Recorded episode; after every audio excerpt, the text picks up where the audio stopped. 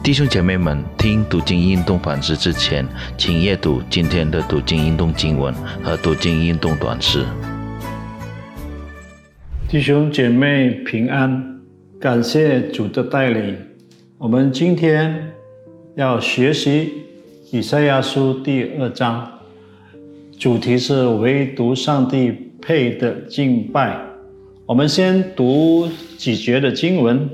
第二章的第八节到十二节，第八节说：他们的地满了偶像，他们跪拜自己所造的，就是自己指头所做的。卑贱人气息，尊贵人下跪，所以不可饶恕他们。你当进入岩穴，藏在土中，躲避耶和华的惊吓和他威严的荣光。到那日，眼目高傲的必降为卑，性情狂傲的都必去虚，唯独耶和华被尊崇。必有万金耶和华降花的一个日子，要临到骄傲狂狂傲的一切至高的都必降为卑。我们读经到此，我先低头祷告。天父认识你，让我们发现自己的价值不是财富，不是能力，不是外貌，也不是许许多多世人所崇拜的事物。在你眼里，每个人都是独特的作品，都是你宝贵的儿女。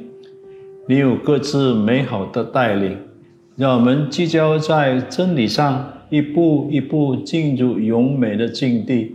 感谢天父。听我们的祷告，奉主耶稣基督的名祷告，阿门。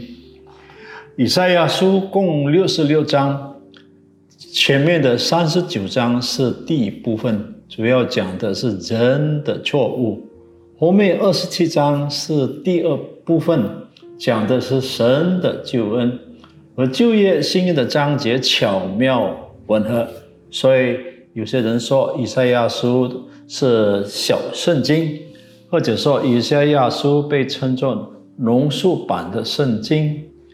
以赛亚书二章有三次提到那日子、主的日子、耶和华的日子，就是在第二节、第十一节和十二节所说的日子。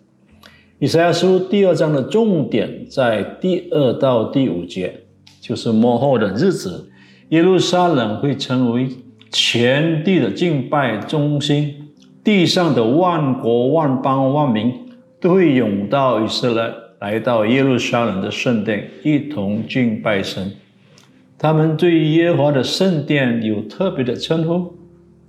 来吧，我们登耶和华的山，崩雅各神的殿，在这里耶和华成为列国的神，而以色列民所修的雅各的殿。不再专属以色列民，却成为全地的敬拜中心。神要借着这殿，神所拣选的以色列人，成为万民中的祭司。神要把他的道教导给万国万民万邦，使万邦万国行主的道，也让万邦万国知道救恩是从以色列出来的。对以色列的拣选。将伟大的赐福向地上的万国来拓展和传递，这是多么美好的事！神也要在烈火中施行审判，为许多的国民断定是非。神要强盛的大国不可欺凌小国，国与国之间不可以施行诡诈，唯有不和就兵戎相见。神的审判带来公正的判决。他可以给全地都带来和平。啊，第六节开始直到最后，神对他的百姓的控诉，主要说幕后的日子，有很多人要尽心尽心尽力的追求真理，也有大部分死不悔改的恶人，必遭受神的审判，包含按今生今世依靠财富、依靠势力、依靠宗教。来巩固自己的生命，觉得自己不需要上帝而继续作恶的人，对这些人在二十二节有结论，就是说你们需要依靠世人，他鼻孔里不过有气息，他在一切事上可算什么呢？啊，这些人在神的面前骄傲自大，远离神，并且逼得神的愤怒与审判。第二章不断说到那日，到那日，也就是末后的日子，就是耶和华大而可畏的日子，就是深夜里的弥赛亚，当主耶稣基督再来的日子，上帝要施行一切公义的审判。叫那些性情狂傲的都去去，眼目高傲的都降为卑，因为他们却多了上帝的荣耀。他们不知道，他们拥有的这一切是上帝给他们的。